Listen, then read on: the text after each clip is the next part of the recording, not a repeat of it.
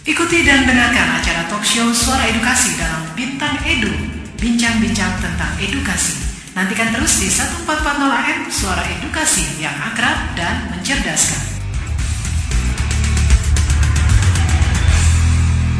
Ya, disiarkan langsung dari Jalan RE Marta di Nata Ciputat 1440 AM Suara Edukasi Akrab dan Mencerdaskan. Kembali Agung Ramadi mengawal Bintang Edu, bincang-bincang tentang edukasi dan tentunya Bintang Edu hadir untuk menginformasikan, memberikan banyak eh, isu-isu, informasi-informasi seputar pendidikan dan kebudayaan yang sedang in atau bahkan juga had- ada dihadapi oleh keseharian kita di dunia pendidikan dan kebudayaan. Baik, kali ini Anggun Ramadi akan mengangkat bersama teman-teman yang juga tentunya kompeten di bidangnya dan tema hari ini yang akan diangkat adalah eh, seputar perdamaian dan tips menghadapi hoax. Ini menarik. Hoax ketika kita mendengar hoax akan ada eh, pandangan atau juga anggapan yang eh, sangat miring atau bahkan jangan-jangan kita semua memang sudah men- sampai menyukai apa namanya dengan hoax ini.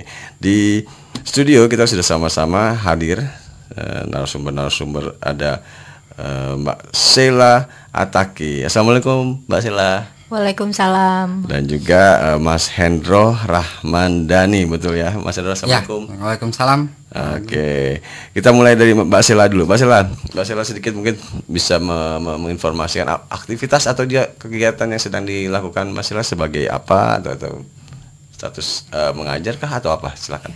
Eh, Alhamdulillah sekarang saya sudah mulai mengajar di eh, Pondok Pesantren Asyidikia 6 Serpong.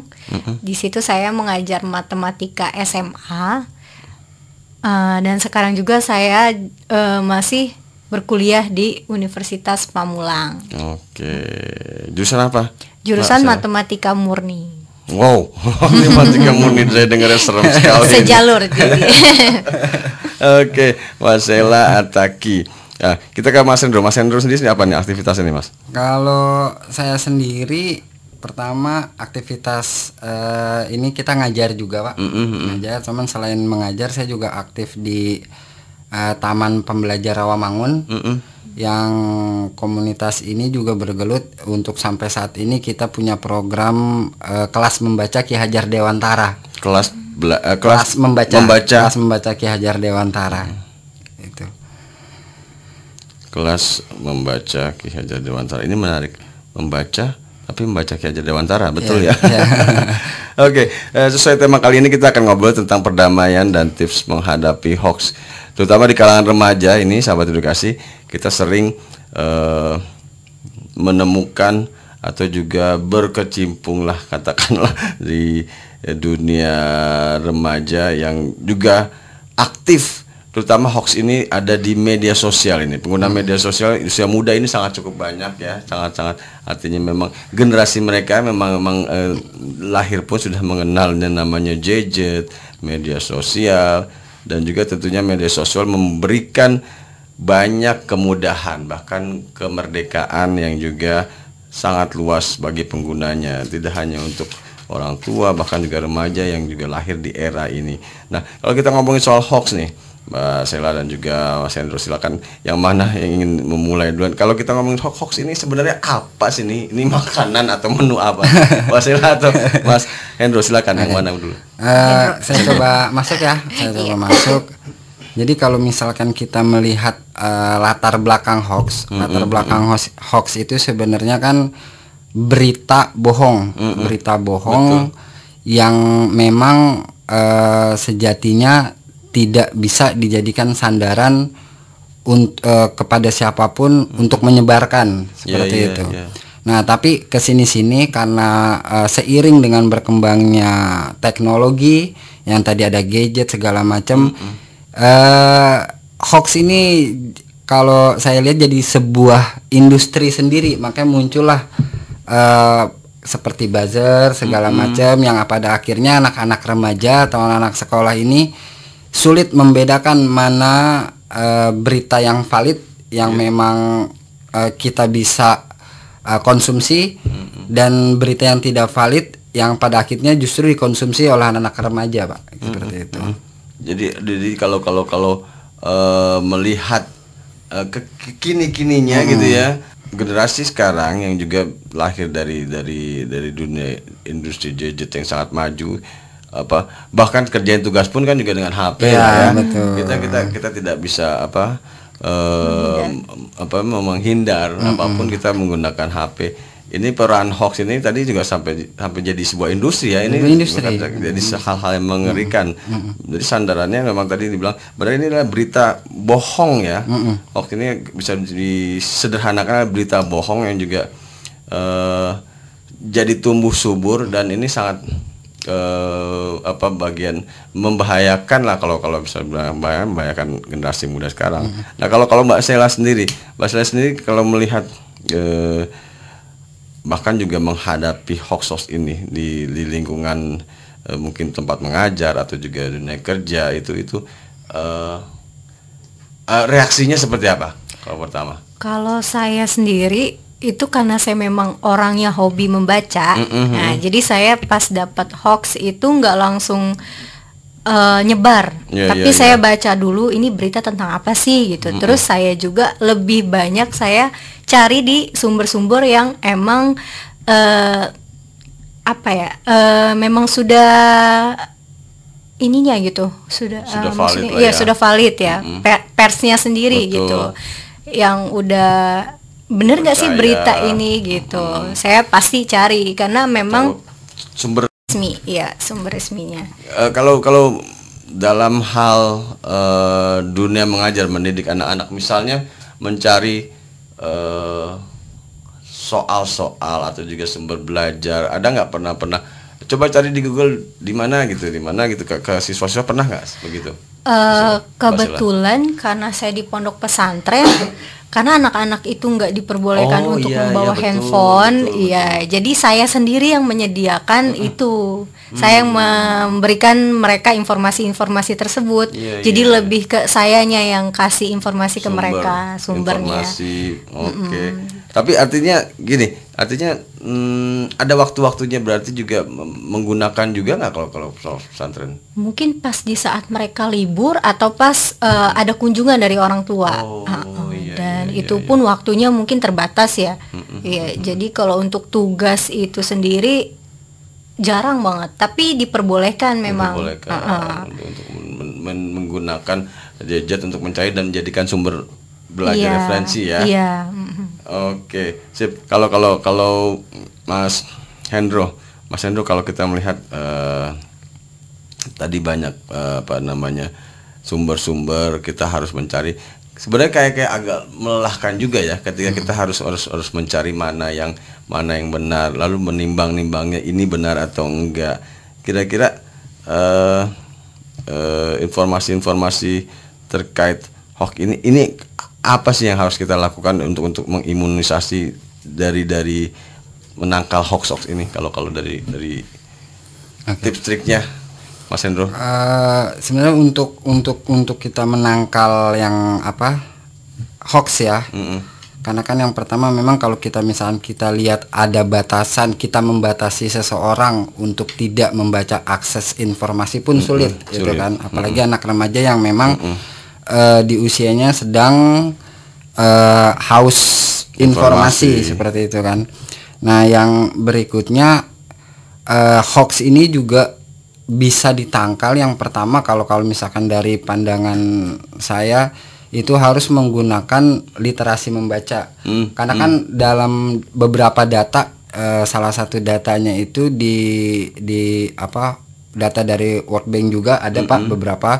Itu di 2019 ternyata literasi membaca kita sangat lemah. Ini kita bicara membaca membaca bu- buku secara secara literasi. eh, secara literasi. Karena kan yang biasanya terjebak hoax itu adalah membaca sekilas. Oh membaca iya iya sekilas. iya. ketika dia membaca sekilas ini di- dia terjebak. Namun kalau misalkan kita membaca literasi kalau dalam eh, Islam mungkin ya saya coba masukin. Itu kan ada kata misalkan ikan utlu. Eh, artinya sama pak. Sama-sama Iya, membaca. membaca. Nah, tapi kebetulan Nabi Muhammad diberikan pertama ikro. Ikro. Ikro itu adalah literasi membaca sangat detail, Hmm. membaca situasi lingkungan, membaca teks, membaca konteks, bagaimana pada akhirnya kita bisa memilah eh, apa namanya bisa bisa memilah eh, info-info yang akan merugikan kita semua seperti itu. Hmm. Karena kalau saya lihat kan hoax itu kan muncul akibat ya kalau tadi Pak Agung juga coba bicara akibat itu akan memunculkan krisis identitas. Ke- mau nggak mau itu akan ada krisis identitas yang akhirnya yang Indonesia nanti tadinya adalah punya keberagaman ini seak- seakan kan jadi jadi turun. Makanya kita harus coba di sekolah atau segala macam itu harus coba mengembangkan literasi membaca kalau perlu ada hari membaca untuk awal seperti itu loh. ada hari khusus membaca berapa jam setelah itu guru atau siswa coba eh, apa membedah apa sih yang dibaca seperti itu. Jadi kalau kalau saya bisa sedikit menyarikan arahnya ini literasi eh, membaca atau juga ini ini ini perlu sebuah ketuntasan berarti ya. Mm-mm, Artinya hanya betul. f- apa full mungkin apa ya kafah kali ya total. Kafah, betul, Jadi, jadi, total. jadi tidak tidak hanya separuh-paruh. Betul. Kalau separuh-paruh jadinya jadi seperti hoax juga ya. Iya. Artinya meng- apa, mendapatkannya itu yang jadi tidak tidak utuh ya. Karena memang eh, trik si hoax ini sendiri memang biasanya memanfaatkan itu tadi ketidakutuhan kelengahan kelengahan. Kalau kalau eh, Mbak Sela sendiri melihat eh, hoax ini di di lingkungan eh, apa namanya sekolah atau di ya walaupun tidak dari dari sisi penggunaan perangkat ini gadget ini tidak tidak tidak begitu sering ya di pesantren ya. Kalau kalau melihat ini ini bisa nggak sih terjadi atau pernah nggak terjadi di di kalangan eh, lingkungan pesantren? Eh, untuk berita hoax ya Mm-mm. Eh, lumayan sering sih kalau sekarang itu ada eh, berbagai macam lah gitu obrolan yang Obrolan. suka Mm-mm. saya dengar dari anak-anak murid saya kalau lagi ngobrol tuh ada aja gitu info-info yang ternyata aduh mereka dapat infonya dapat info, ya. iya yang kayaknya ini pasti ini nih dari hoax nih Dari gitu hoax, ya oh. ya di apa ya sangat disayangkan sih. Mm-mm, karena Biasanya di- apa apa yang dilakukan? Artinya eh, para apa guru, atau juga ustadz ustadznya seperti apa apa yang dilakukan? Eh, biasanya kalau yang sudah terlalu ini ya eh, menyebar terlalu ini juga pasti ada pengarahan dari ustadz-ustadznya. Dan kami juga dari guru-guru juga berusaha mungkin untuk kasih mereka itu eh, pengertian gitu dan kasih mereka saran gitu bahwa oh berita yang kalian dapetin itu nggak benar. Nah ini yang benarnya itu seperti ini gitu. Jadi kita sendiri yang kasih mereka buktinya, bukti eh, benarnya gitu. Karena mereka sendiri kan nggak pegang eh, gadget, nggak pegang gadget. Jadi kita yang kasih tahu ke mereka, kita kasih lihat langsung gitu kebenaran. Iya, info. ketuntasannya sebenarnya seperti apa? Iya, gitu jadi kan ya. nggak dibiarin gitu aja gitu. Oke, artinya gini, artinya ada ada juga eh, anggapan, anggapan yang mungkin yang juga kita sering mendengar radikalisme, radikalisme yang Hmm. dimulai dari mulai eh, pesantren. Ini, ini kan Right. kadang-kadang sering sekali ya. Jadi jadi tadi eh, pernah kita sama-sama me- mengangkat tentang sebagai pintu ya tempat-tempat sekolah-sekolah itu kadang-kadang jadi pintu masuk tempat-tempat eh, apa radikalis radikalis yang juga melalui hoax-hoax ini gitu loh. Jadi akhirnya memang fungsi eh, pendidik, ustadz, guru ini ini jadi jadi sangat berpenting sekali ya. Iya, sangat penting. Oke, Yap, kita akan ngobrol lagi nanti akan lebih eh, banyak mengupas tentang eh, tema kita kali ini tentang perdamaian dan tips menghadapi hoax. Eh, jadi sahabat edukasi yang juga ingin berpartisipasi silakan eh, WhatsApp ke kami di 081325261440. Kita akan kembali setelah yang satu ini. Ikuti dan dengarkan acara talk show Suara Edukasi dalam Bintang Edu. Bincang-bincang tentang edukasi. Nantikan terus di 1440 AM Suara Edukasi yang akrab dan mencerdaskan. Dari lantai 2 Gedung Geraha Media Pustekom 1440 AM Suara Edukasi Akrab dan Mencerdaskan Agung Rahmadi masih mengawal Bintang Edu Ed, Bintang Edu Bintang sorry. Masih mengawal Bintang Edu, bincang-bincang tentang edukasi. Baik, masih bersama Mbak Sela dan juga Mas Hendro. Mbak Sela, kalau kita tadi Iya. bicara tentang hoax ini memang eh, nggak di mana-mana gitu ya. Artinya bahkan di pesantren pun yang juga eh, yang katakanlah kita sering mendapatkan hoax ini dari media sosial, tapi di ponpes kan nggak nggak menggunakan HP. Ini, ini ternyata ada juga ya. Artinya eh, dari lubang mana pun dia akan coba untuk untuk hadir itu hoax ya. Iya, berita. berita-berita yang yang Seperti virus deh. virus ya seperti virus betul nah di segmen ini kita akan ngobrol tentang bagaimana sih aktivitas apa sih yang bisa kita lakukan kalau di pesantren sendiri bagaimana sih bisa bisa dikatakan aktivitas ini adalah menangkal hoax hoax itu supaya supaya tidak subur di tempat mbak terutama Eh, itu dia yang apa gerakan membaca di sekolah. Nah, jadi kalau misalnya di pesantren tuh udah pasti ya eh, membaca Quran tuh udah betul. kalau Al-Quran pasti udah sering banget Iya. dan eh, kitab-kitab kuning juga Iya, mereka sering membaca. Eh, saya pun juga sebagai guru kalau misalnya punya apa ya Rekomendasi. buku rekomendasi buku yang bagus buat mereka pun saya kasih tahu gitu ke mereka dan kadang nggak jarang juga anak-anak itu yang mengapa ya eh di sela-sela waktu istirahatnya itu mereka membaca membaca buku-buku yang memang bagus juga gitu saya suka lihat itu mereka eh eh, dapat sumbernya juga dari guru-guru mereka Mm-mm. juga memang. Eh, mungkin beberapa sahabat edukasi di luar juga masih agak sedikit eh, apa enggak enggak bisa dapat bayangan. Kalau kalau pondok pesantren itu sendiri ketika kita membaca atau juga bahkan apa ya istilahnya haf- menghafal hafiz ya hafiz Iya. sampai menghafal Al-Qur'an itu.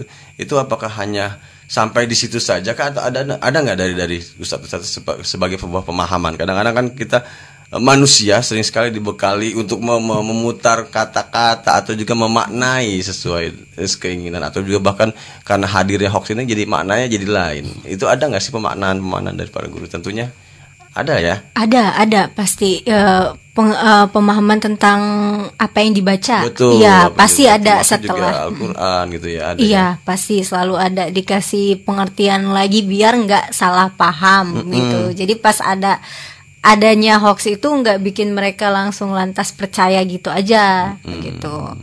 Iya, khawatirannya kan kadang-kadang ada hoax yang sudah masuk lalu lalu eh, kita eh, kita membaca kitab suci, membaca Al-Qur'an dalam hal ini lalu kita mendapatkan hoax. Wah, ini ini kadang-kadang kita otak kita jadi mengkombinasikan untuk untuk untuk meng- mengiyakan padahal itu hoax gitu ya. Iya, iya, iya. Artinya ada ya. Nah, Ada, kalau ada. kalau Mas Hendro, ini ada ada, ada apa kegiatan atau juga aktivitas yang juga mungkin kalau tadi di awal juga Mas Hendro juga bilang ada ada taman bel- pembelajar ya. Ah, pembelajar. Pembelajar Ki Hajar. Ini ini ini aktivitas yang yang katakanlah yang juga mencerahkan untuk untuk menangkal hoax hoax itu ada nggak, Mas? Iya, ada. Karena kenapa kita buka bukan buka program ya program diskusi sebenarnya itu kelas membaca eh, kita bedah bab per bab kalau di bukunya di bukunya Ki Hajar di buku soal pendidikan. Nah, kalau misalkan kita kaitkan dengan hoax eh, membaca ini kan sebenarnya kan kalau dalam ilmu ini intuisi bukan Oh, oke. insting ya. Oh, oh. Kalau insting itu saya lahir saya udah punya Sudah insting, punya. Pu- punya rasa guratan halus. Saya kira-kira nih orang tua saya bisa ngeliat nih saya akan seperti apa. Tapi kalau intuisi adalah proses pendidikan yang bisa diolah. Saya tidak suka membaca, tapi saya didorong intuisi saya untuk suka membaca. Saya bisa suka membaca. Ada eh, seorang yang gemar melukis, dia tadinya tidak suka Tidak melukis, suka Pak melukis. dia melihat orang sering melukis dia tertarik intuisinya naik Hmm. makanya kalau dalam buku pendidikan Ki Hajar Dewantara kan ada tiga lingkaran pertama insting pedagogi yang kedua itu intuisi tadi eh, yang bisa diolah untuk eh, lebih lebih apa lebih dasarnya lebih kena yang ketiga yang ketiga baru pengetahuan pedagogis jadi sebelum kita mencapai pengetahuan atau apa wacana-wacana pedagogi yang harus kita gali ke anak remaja ini untuk Iya. menangkal hoax juga intuisi bagaimana kita mendorong urutannya ya berarti iya, ya? insting. Insting kan memang kita udah nggak bisa kita diskusin lagi Betul. ya soalnya emang sudah naluri bakat Naluri, siswa atau santri. Itu udah dari awal. Tapi kalau intuisi itu kita bisa mendorong intuisi anak-anak remaja ini berkembang baca lebih waspada terhadap informasi seperti itu sih. Jadi saya, saya jadi tertarik nih, gimana biar biar tiga lingkaran ini jadi jadi jadi hal yang apa ya namanya masif itu. Kalau kalau kalau apa dijadikan sebuah penangkal hoax ini ini ada ada ada rekomendasi atau saran gimana triksnya nih biar tiga lingkaran tadi yang dikatakan Ki Hajar ini bisa jadi jadi hal yang jadi kekuatan. Yang sebenarnya kan yang kalau tadi Pak Agung juga sempat menyinggung soal eh, tersebarnya hoax itu juga di lembaga-lembaga sekolah ya. Tadi seperti ada istilah radikalisme walaupun eh, kita lebih cocok menggunakan istilah ekstremisme. Ekstremisme. Ekstremisme karena kalau dibedah secara pengetahuan pun istilah radikal dan ekstremisme ini sangat jauh. Kita lebih lebih cenderung yang membahayakan adalah ekstremisme. Oke. Eh, eks- ekstremisme. Nah, untuk di wilayah sekolah ini yang pertama guru atau siapa pun memang harus menciptakan suasana yang menyenangkan di sekolah, Pak. Mm, mm, mm, mm. Di sekolah itu kita harus harus harus siswa atau santri harus bahagia, tidak ada tekanan, tidak ada yang membuat mereka apa sih berhenti secara insting belajarnya mereka berhenti yang tadinya suka yang tadinya dia punya naluri suka membaca tiba-tiba tidak suka membaca itu juga jadi persoalan lagi berikutnya. Yang kedua intuisinya juga jangan harus kita terus dorong agar mencintai apa be- mencintai bacaan. Seperti Iya, itu. iya. yang yang pasti harus menciptakan situasi sekolah yang enjoy yang menyenangkan yang tadinya siswa tidak suka pelajaran A tiba-tiba gurunya sangat enjoy sangat menyenangkan. Membangun atmosfer lah ya. membangun atmosfer mereka jadi lebih dialog dialogis juga kebangun antara siswa dan guru itu mungkin seperti itu sih. Oh, ini ini gimana Mbak Sela? Kalau matematika, ini kan ada saya pikir matematika ilmu eksak ini ini ini ini bagaimana cara- Ini kan eh, juga tetap berhubungan dengan eh, penangkal menangkal hoax atau juga membuat eh, siswa jadi lebih lebih tuntas belajar. Kalau matematika ini seperti apa trik-triknya? Biasanya kan anak-anak kita berpikir, waduh matematika sudah sudah sudah males lagi nih. Ya, kalau saya itu eh, memang apa ya? Saya bawa enjoy juga. Jadi kalau nah eh, kita kan kalau guru itu kaitan juga sama cara kita mengatur emosional ya. Betul. Sama Iya. anak-anak. Apalagi yang saya hadepin ini anak-anak SMA gitu, anak-anak oh, MA oh, yang eh. sudah usianya itu sudah Punya ya, daya kritis yang tinggi ya. Ah, ah. Jadi saya harus lebih canggih juga dari mereka gitu. Harus lebih banyak tahu informasi. Apalagi sekarang kan f- eh, animasi di mana-mana ya kan eh, yang buat mereka menarik. Saya ambil materi dari situ. Jadi saya eh, apa ya? Saya downloadin vi- eh, pembelajaran yang menggunakan video yang lebih menarik. Jadi mereka bisa enggak terlalu matematika itu cuman angka, aja Angka-angka, ya gitu. perhitungan, rumus-rumus. Ya, saya juga menyedia eh, saya juga suka Kak, eh, Misalnya apa nih saat eh, di materi apa matematika yang pernah? Eh, pengalaman. biasanya eh, kalau saya tuh kalau materi matematika kan sekarang udah banyak ya yang pak eh, saya ngambil dari video dari YouTube aja saya download gitu. Misalnya kayak bangun bangun ruang. atau Faktor-faktor eh, apa gitu. Eh, iya pokoknya yang s- bidang-bidang seperti itu bangun ruang. Biasanya sih lebih ke bangun ruang gitu. Terus kayak misalnya saya mungkin emang kalau di matematikanya sendiri itu nggak terlalu banyak yang ada video animasinya. Tapi saya kasih mereka kayak video motivasi juga gitu dari animasi-animasi tersebut biar mereka agak bersemangat gitu Kalau untuk untuk eh, permasalahan atau soal-soal di eh, jenjang MA atau yang SMA ini, kalau kalau kita ber- melihat sih yang SD gitu kadang-kadang kita kan me- me- mengadaptasinya dari kehidupan sehari-hari belanja dua tempe lalu. Ah, iya. Kalau SMA itu ada nggak ya trik-trik gitu? trik karena Kalau di SMA kan lebih, lebih ke fungsi-fungsi Fungsi gitu, ya. fungsi integral dan lain-lain. Tapi ada juga itu di program linear juga ada yang dia kaitannya erat banget sama kehidupan sehari-hari. Kayak misalnya contohnya eh, laba laba yang kita dapat maksimum gitu juga ada di situ. Iya, Jadi iya. ada. Artinya kadang-kadang kan kita lebih lebih lebih senang atau lebih masuk gitu ya Ah, ah, ketika benar. menggunakan contoh-contoh yang ada dalam kehidupan Dalam sehari-hari. kehidupan sehari-hari. atau juga yang yang lebih menyenangkan. Kita lebih lebih nyaman gitu loh. Iya. lebih nyaman membicarakan itu. Oke. Eh, Mas Hendro sedikit kita akan ngobrol tentang tentang apa kelas eh, membaca ini nih. Eh, sejauh ini ada ada ada hal-hal atau atau hal-hal yang menarik terkait eh, kelas pembelajar Ki Hajar ini apa ya yang sudah bisa dikatakan disebarkan mungkin ke eh, para guru kah atau juga siswa kah terkait eh, membedah Ki Hajar ini? Karena kadang eh, saya juga ingin ingin lebih tuntas juga sebenarnya tahu Ki Hajar ini seperti apa sih? Kalau gambaran singkatnya apa- seperti apa sih? Nah, Ki Ki Hajar ini kan kalau kalau kita lihat dia seorang tokoh ya, Pak. Seorang tokoh nasional yang siapa pun sebagai Bapak Pendidikan Nasional. Cuman kita belum pernah coba ngebong membongkar. Membongkar. Bagaimana sih sebenarnya eh, konsep dasar pemikiran Ki Hajar Dewantara ini sendiri. Kalau misalkan dari eh, kelas membaca yang sudah kita apa kita lakukan itu ter- eh, Ki Hajar itu kan sebenarnya basicnya dia tetap melakukan melalui ilmu psikologi. Cuman menurut Ki Hajar persoalan pendidikan tidak bisa diselesaikan dengan eh, ilmu psikologi. Karena ketika persoalan pendidikan diselesaikan dengan eh, ilmu psikologi, psikologi nanti objek siswa adalah orang pesakitan. oh iya betul Jadi iya bagi Ki Hajar ilmu psikologi penting. Iya. Makanya di dalam buku itu juga yang paling pertama kita bedah itu adalah ilmu jiwa. Bagaimana ada korsleting jiwa. wow. Dari ilmu jiwa kita kemarin itu masuk ke ilmu budi pekerti.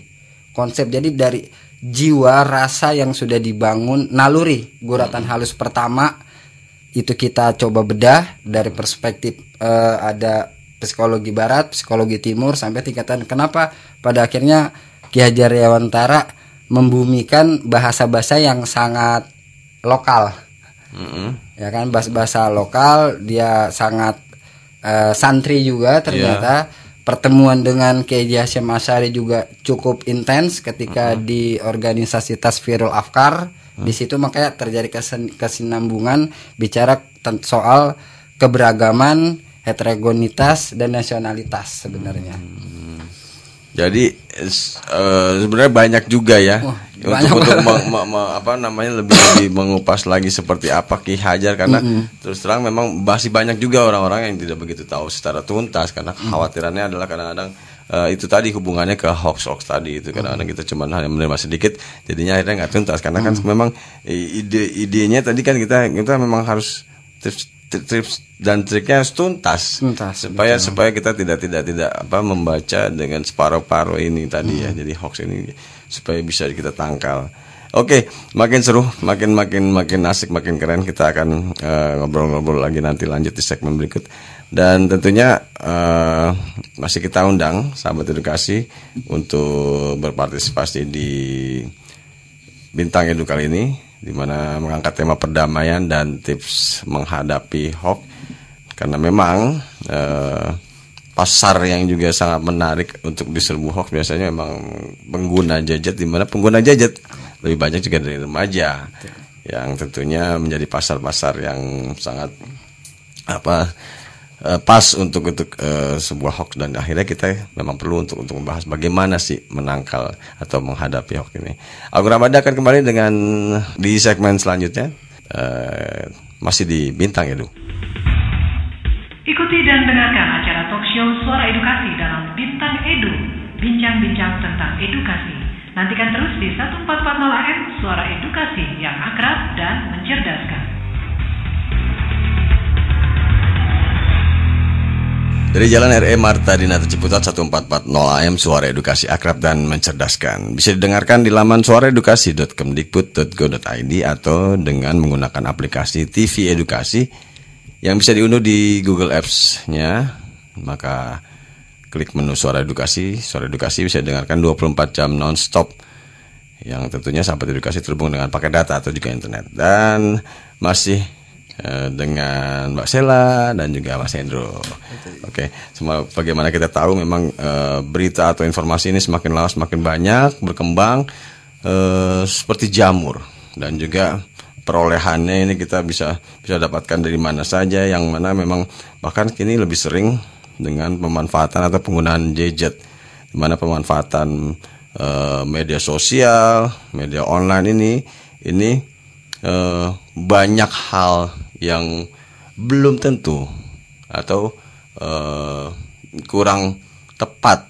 Artinya kurang tepat kurang tepat kevalitannya terutama untuk untuk kita apa jadikan acuan lalu juga memang di mana hoax ini akhirnya masuk yang bisa menjadi pemutar balikan fakta bahkan bahkan juga eh, tanpa kita sadari jadi virus untuk untuk para remaja terutama untuk pengguna gadget ini. Nah kalau bicara tentang eh, objek-objek yang jadi dalam tanda kutip korban lah ya anak-anak remaja ini, kira-kira eh, dari eh, tanggapan Mbak Sela atau juga eh, Mas Hendro perlu nggak sih kita punya polisi atau juga namanya eh, katakanlah pengawal yang yang juga jadi apa namanya eh, ke menangkal hoax hoax ini gimana Mas Hendro mungkin ada nggak ada, ada.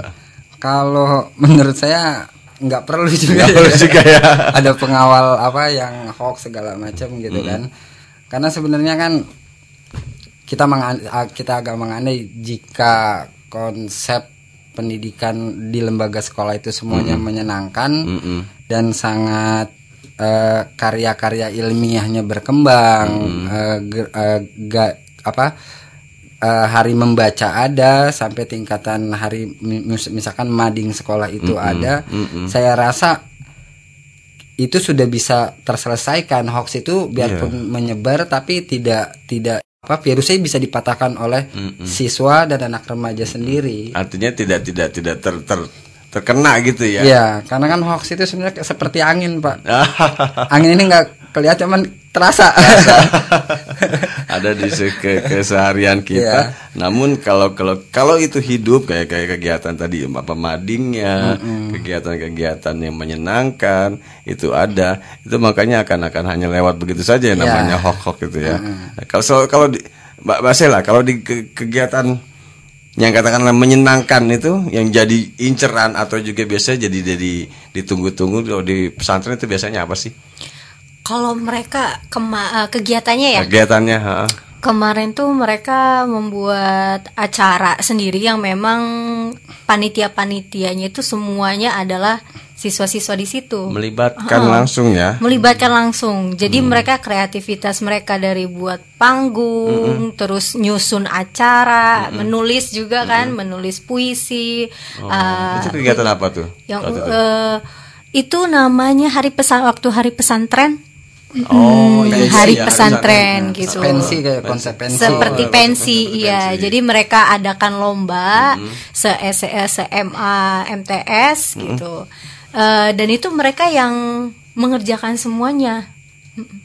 De- eh, kreativitasnya memang di situ tinggi banget. Saya juga salut banget sih karena mereka bisa buat panggung sendiri Oh, oh, oh. yang kita itu seperti nggak ini gitu, nggak percaya kalau itu adalah buatan anak-anak anak-anak. Hmm. Ah, anak-anak siswa di situ.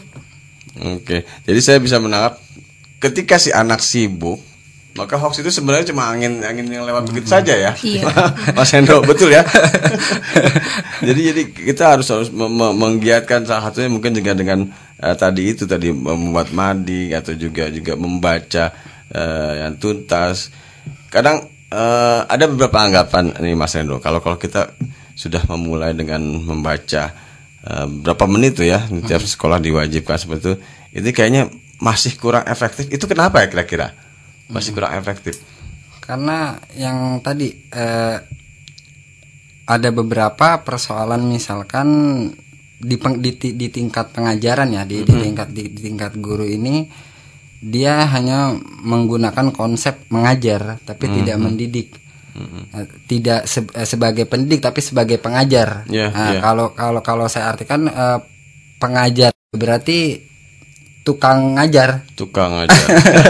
Iya iya iya iya iya. ngajar itu tukang ngajar. Dia eh, masuk masuk apa? Masuk kelas kasih LKS biasanya Mm-hmm, anak-anak anak remaja ini udah nggak bisa konsep seperti itu. Maksudnya dia lebih cenderung banyak protes, dia lebih cenderung akan banyak bertanya dengan situasi-situasi se- sekitar. Kalau metode yang saya saya coba jalankan kalau ke saya ngajar, saya taruh itu Pak LKS Ya. saya jelasin mereka suruh suruh saya suruh tutup buku. Saya jelasin eh, kitaran 15 menit habis itu mereka bertanya. Bertanyanya ada yang aneh cuman mereka tertarik dengan pembahasan tanpa harus melihat eh, apa eh, teori-teori yang ada di buku setelah mereka bertanya kita jelaskan baru saya suruh buka buku di situ mereka baru nem- menemukan ternyata yang saya tanya semuanya sudah ada, di, Ada buku, di buku. secara teori Ya. Nah, kalau kalau hari ini kan kita hampir kebanyakan sih nggak semua guru itu datang ke kelas buka buku, buka buku teori, suruh baca atau kasih LKS. Mm-mm. Langsung Isi- dipaparkan ya. Langsung dipaparkan. Jadi yang tadi saya bilang intuisi eh, intuisi si siswa, siswa itu nggak nggak nggak nggak bisa berkembang kalau seperti itu. Karena kita nggak mendorong mereka bagaimana mereka berpikir, nggak mendorong bagaimana mereka berekspresi dalam dalam dalam lembaga pendidikan. Pada akhirnya mereka akan berpatokan pada teks buku gitu kan ketika ada persoalan ini ya mereka juga akan berpatokan pada teks hoax Ya, ketika itu kaitannya yang juga saya ingin Ah, tarik memang. Oh. akhirnya berpatokan pada teks hoax ya mereka ambil itu karena sudah hampir sehari harinya mereka juga apa istilah cekoki apa ya pak cekoki Di, di apa di dimasukkan Iya.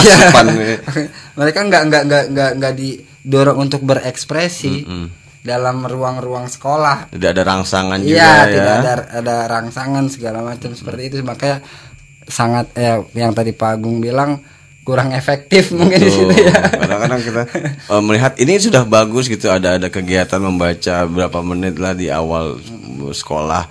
Tapi kadang-kadang eh, kita lebih melihat atau yang terjadi sering masih eh, masih banyak siswa-siswa yang juga memang lebih lebih lebih mengkonsumsi dalam tanda kutip hoax-hoax ini gitu loh lebih lebih apa namanya padahal ini kan kegiatan-kegiatan membaca di awal beberapa menit kemudian juga membuat mading. Ini juga salah satu kegiatan yang juga bisa dikatakan aktivitas yang menang akan bisa menangkal ya. Menangkal hoax hoax ini. Jadi akhirnya memang eh, pada akhirnya itu tadi ya saya saya menangkap garis apa merahnya. Jadi jangan jadi tukang ngajar lah ya. Jadi memang memang harus tuntas gitu ya.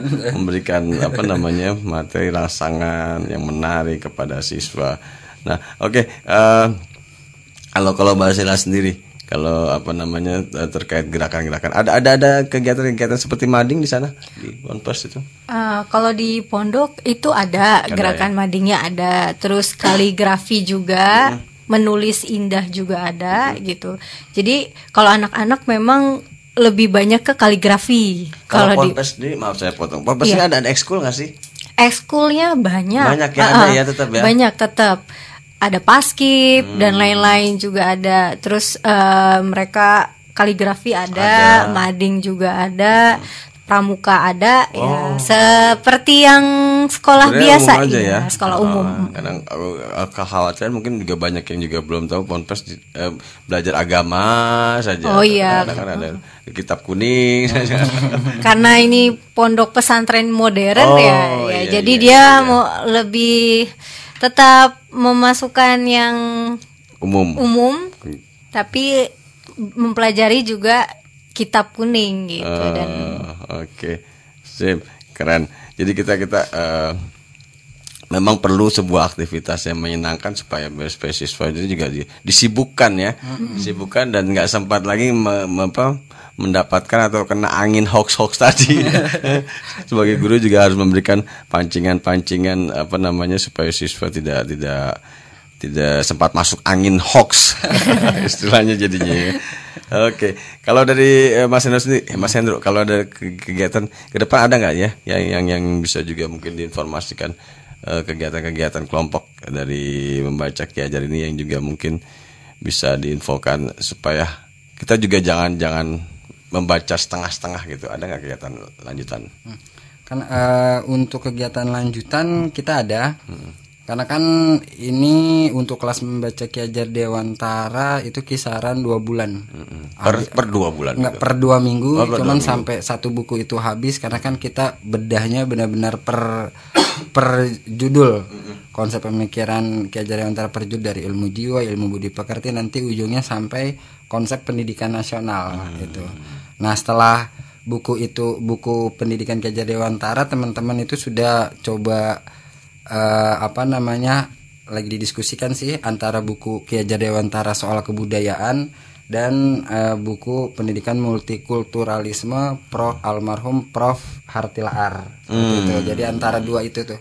Bisa tetap Ki Hajar membaca Ki Hajar lagi atau membaca eh, almarhum Prof. Hartilaar yang memang jadi ikon eh, tokoh pendidikan, di Pendidikan. Indonesia juga seperti itu. Kalau kalau pembahasan tentang apa perkembangan itu siswa usia sekian usia sekian itu, itu di bagian mana tuh? Nah itu di- ada di bagian ilmu jiwa. Ilmu jiwa. Di, di, di sub ilmu jiwa. Jadi kalau di eh, apa di buku di bab ilmu jiwa itu sendiri juga kan eh, jenjang dari usia sampai 4 tahun di- empat sam- empat tahun itu anak memang yang harus didorong itu harus nalurinya, instingnya. Instingnya ini kita harus bisa ngelihat harus harus harus dapat instingnya. Nanti dari usia 5 sampai 13 itu sudah mulai didorong intuisi gitu kan?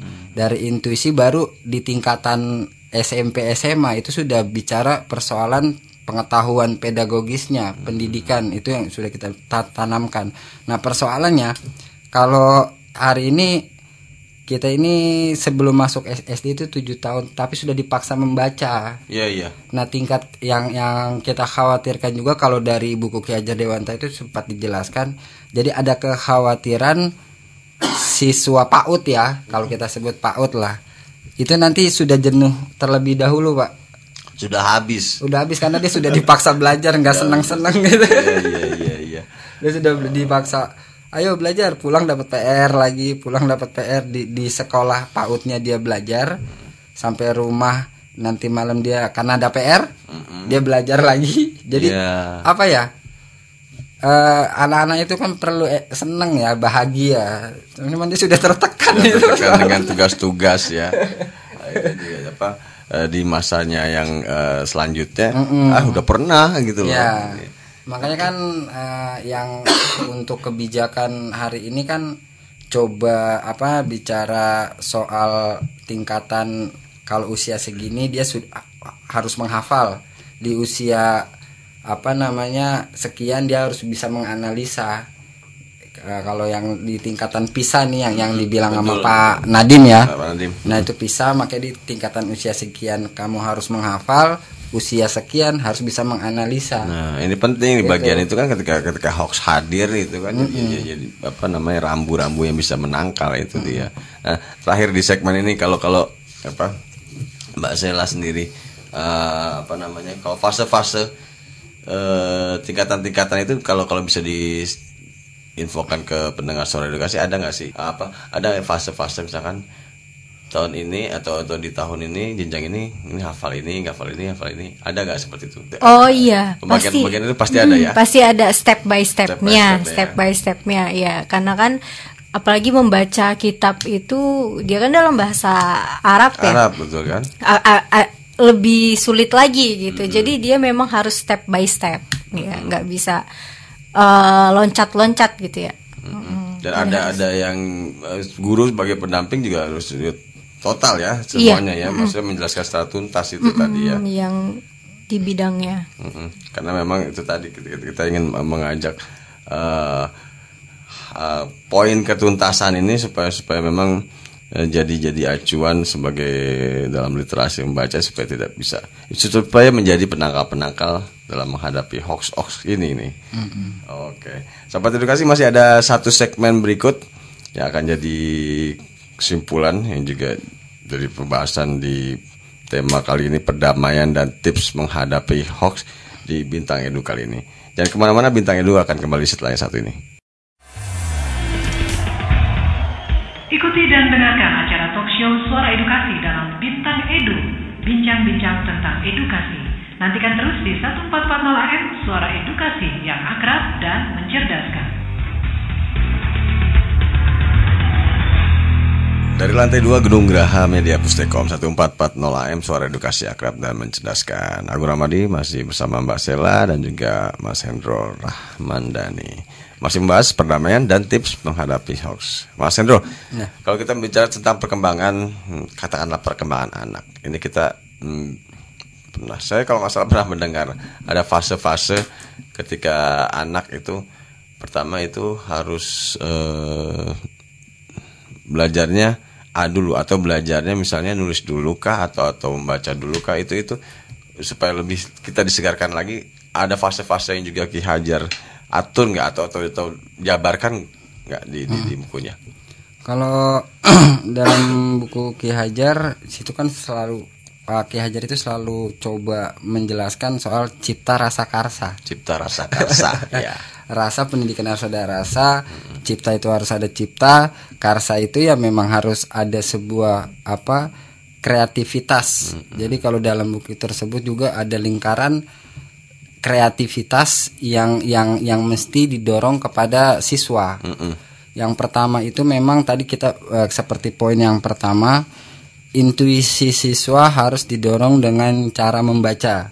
Baik nanti untuk di awal siswa itu membaca teks saja, mm -mm. tidak secara tuntas gitu mm kan.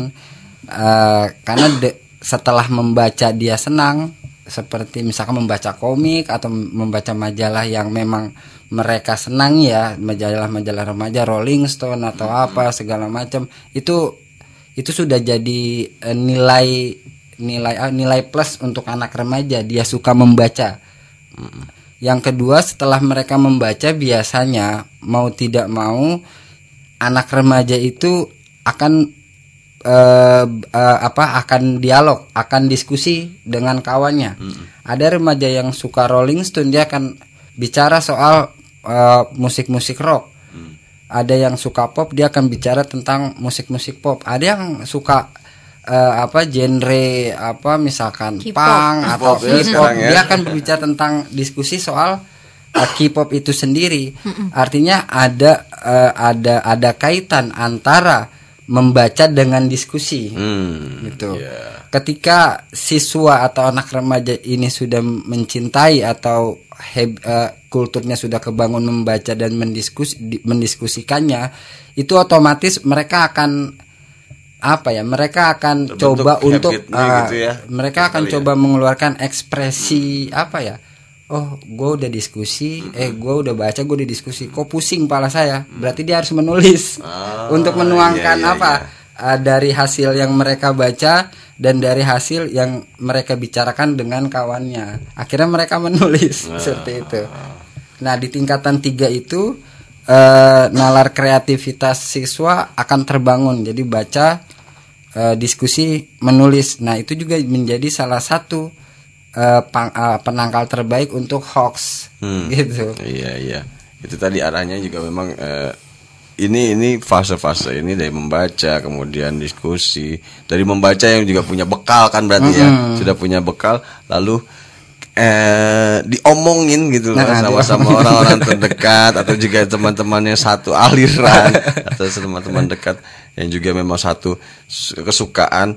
Lalu diomongin ini kayaknya diomongin nggak cukup juga. Akhirnya fasenya perlu juga menulis ya, nih akhirnya betul. diulas. Atau punya ide-ide bahkan ya. Ah, bahkan dia menimbulkan ide hmm, baru yang baru. yang pasca di, mereka baca gitu. Nah, di mana tiga tiga fase tadi ini memang memang bisa jadi uh, apa kegiatan-kegiatan yang bisa bisa jadi uh, menghadapi hoax ini. Mm-hmm. Nah kalau Mbak Sela, Mbak Sela kalau kegiatan-kegiatan yang juga tadi beberapa memang sudah disinggung atau juga diungkapkan masalah kegiatan-kegiatan yang juga bisa jadi uh, petangkal tangkalan-tangkalan hoax. Ada ada apa lagi yang juga bisa diceritakan? Silakan Mbak uh, uh, mading sekolah ya. Kalau di mading sekolah memang kalau di anak uh, kalau di di pondok pesantren sendiri itu setiap kelas dia punya apa ya? Kayak punya mading-madingnya sendiri-sendiri gitu. Jadi mereka selain mading yang ada di uh, Umumnya, ya di ya, luar di di luar. kelas. Mereka pun kalau di kelas itu juga suka ada apa ya kayak kata-kata uh, apa sih inspirasi juga ada. quotes Uh, uh, gitu ya. quotes quotes. Itu kan Oh. bisa di uh, sebut ini juga ya apa mading juga lah Mading ya. juga, Uh, betul. Membuat mereka itu biar lebih semangat lagi. Mm-hmm, dan biasanya memang kalau kegiatan mading sekolah ini memang dia lebih ke mengolah kreativitas juga dan juga menyediakan informasi penting biasanya untuk eh, semua warga yang ada di sekolah di pondok pesantren tersebut gitu jadi menarik sih kalau menurut saya kegiatan mading Itu di- ada ada ada ada guru yang membina kah atau atau dilepas begitu aja? Bi- karena kebetulan anak-anak pondok ini kan sudah mandiri Iya, ya, ya. rata-rata mandiri semua anak-anaknya, jadi mereka udah bisa ini sendiri, mungkin Oh. udah bisa kerja sendiri, tapi me- mereka memang eh, minta ini ya, mungkin eh, minta gimana nih, Miss, kalau biar bagus Iya, gitu ya, tambah apa lagi ya. nih, minta pendapat gitu, tapi lebih kebanyakan mereka sih yang ini semua. Biasanya lebih lebih lebih suka begitu. Yang perempuan apa yang laki-laki? Biasanya sih perempuan, Perempuan, Iya, ya. perempuan biasanya. Tapi tidak menutup kemungkinan eh, dibaca juga ternyata yang Iya, iya. Artinya kan kegiatan. Kalau yang laki-laki mungkin eh, ini lebih lebih lebih banyak mengungkapkan pendapat ya Pak Hendro ya. Ah, Lebih banyak ngomongnya ya. Tapi kalau nulis untuk menulis Nulis. mereka, ini yang iya. cewek aja nih tulisannya bagus gitu. Kadang-kadang se- terjadi seperti itu ya Pak Hendro ya. Ini ini ini ini menarik sekali ketika ketika giliran ngomong laki-laki itu kayaknya lebih lebih lebih lebih sering dilakukan itu tapi kayak giliran yang hal-hal yang eh, apa namanya mading atau nempel itu yang perempuan nih kayaknya yang lebih banyak. Oke. Suka menghias kalau perempuan. Iya, menghias, Menghias, menghias. hias. Betul. Oke, eh di segmen ini juga tentunya eh, eh, suara edukasi. em, di segmen ini juga tentunya ada ada, ada beberapa hal yang juga bisa kita simpulkan. Kalau dari obrolan kita tentang perdamaian dan tips menghadapi hoax, eh, Mbak Sela mungkin bisa eh, memberikan bisa mungkin saran atau juga mungkin bagaimana sih orang tua kah atau siswanya sendiri kah atau gurunya eh apa yang harus eh, di, di, dilakukan atau atau eh, lebih bijak seperti apa supaya hoax-hoax ini bisa kita bisa kita bisa perlakukan dengan baik seperti apa? Tips dari saya untuk menghadapi hoax, berita hoax itu nggak langsung menyebarkan. Ya, karena biasanya kan kalau berita hoax itu judulnya udah sensasional tuh, bikin orang greget mau, waduh, eh iya nih, eh, apa nih buset banget langsung sebar aja deh gitu kan, biar orang-orang pada tahu gitu. Nah itu sih kadang mereka sengaja untuk memancing emosional. Makanya kalau saya sih apalagi tipsnya kalau kalau sama ya seperti anggap maksudnya se- sepemikiran gitu ya. Sepemikiran iya. Kalau yang sepemikiran kan lebih semangat lagi Semangat tuh. lagi ya. mau infonya dari siapa? Ya udah ini bener nih pasti bener. nih. Karena sama nih sama yang saya ini kan saya pikirkan. Kalau menurut saya sih lebih bijak lebih bijak. Kitanya itu harus tahu dulu itu situsnya dari apa ya? Situs resmi nggak tuh gitu. Kalau bukan situs resmi ya sudah seharusnya kita jangan langsung percaya gitu aja apalagi kita yang menyebarkan si berita hoax tersebut gitu. Karena berdampak sangat buruk untuk orang yang terlibat di dalam eh, si berita hoax tersebut. Iya bisa jadi fitnah malah ya. Fitnah dosa besar juga Besar. ini Oke, kalau kalau Mas Hendro seperti apa nih? Kita kita menangkal atau juga menghadapi hoax hoax ini terutama eh, dalam kaitannya hmm, ke apa perkembangan remaja dan juga tadi sudah kita sambungkan kaitkan yang juga ternyata memang di Ki Hajar pun ini juga sudah dibahas tentang perkembangan dan tentunya dibahas tentang perkembangan anak-anak kita dalam dalam dunia pendidikan. Saran-sarannya atau atau juga tips-tipsnya apa nih Mas Hendro? Kalau saran sebenarnya hampir persoalan kita kan sama kak. Jadi Sama. nggak jauh beda dengan Mbak Sheila, Se- se- Mbak Sheila ya. Jadi saring sebelum share. Kalau untuk pesan untuk apa anak-anak remaja kita saring dulu infonya. eh, lalu baru kalau memang info itu sudah valid atau segala macamnya silahkan di share gitu kan karena yang tadi dibilang juga akan eh, info ho- hoax ini bisa memicu orang yang yang apa orang yang tadinya tidak eh, tidak jadi korban akhirnya jadi korban. Karena penyebar hoax itu tidak akan men- pernah menjadi korban. Yang menjadi korban hoax yang masyarakat masyarakat yang memang emosinya kurang stabil. Maksudnya secara ini dia wah pendapat nih kok eh, si A seperti itu ya di share tiba-tiba yang menjadi korban mereka seperti itu akhirnya muncullah ujaran-ujaran kebencian yang sepertinya ya Indon Indonesia ini di tingkat kalau eranya sekarang 4.0 kok justru malah apa ya malah agak menurun. Bicara keberagaman bicara perbedaan pendapat bagi karena kan sebenarnya kan pendapat apa pun bisa kita tuangkan selama tidak memaksakan kehendak kita sendiri kepada orang lain. Dan perlu juga kayaknya kita juga memang mem- membangkitkan juga ketuntasan tadi ya dengan cara berdiskusi-diskusi Ya, ya, itu.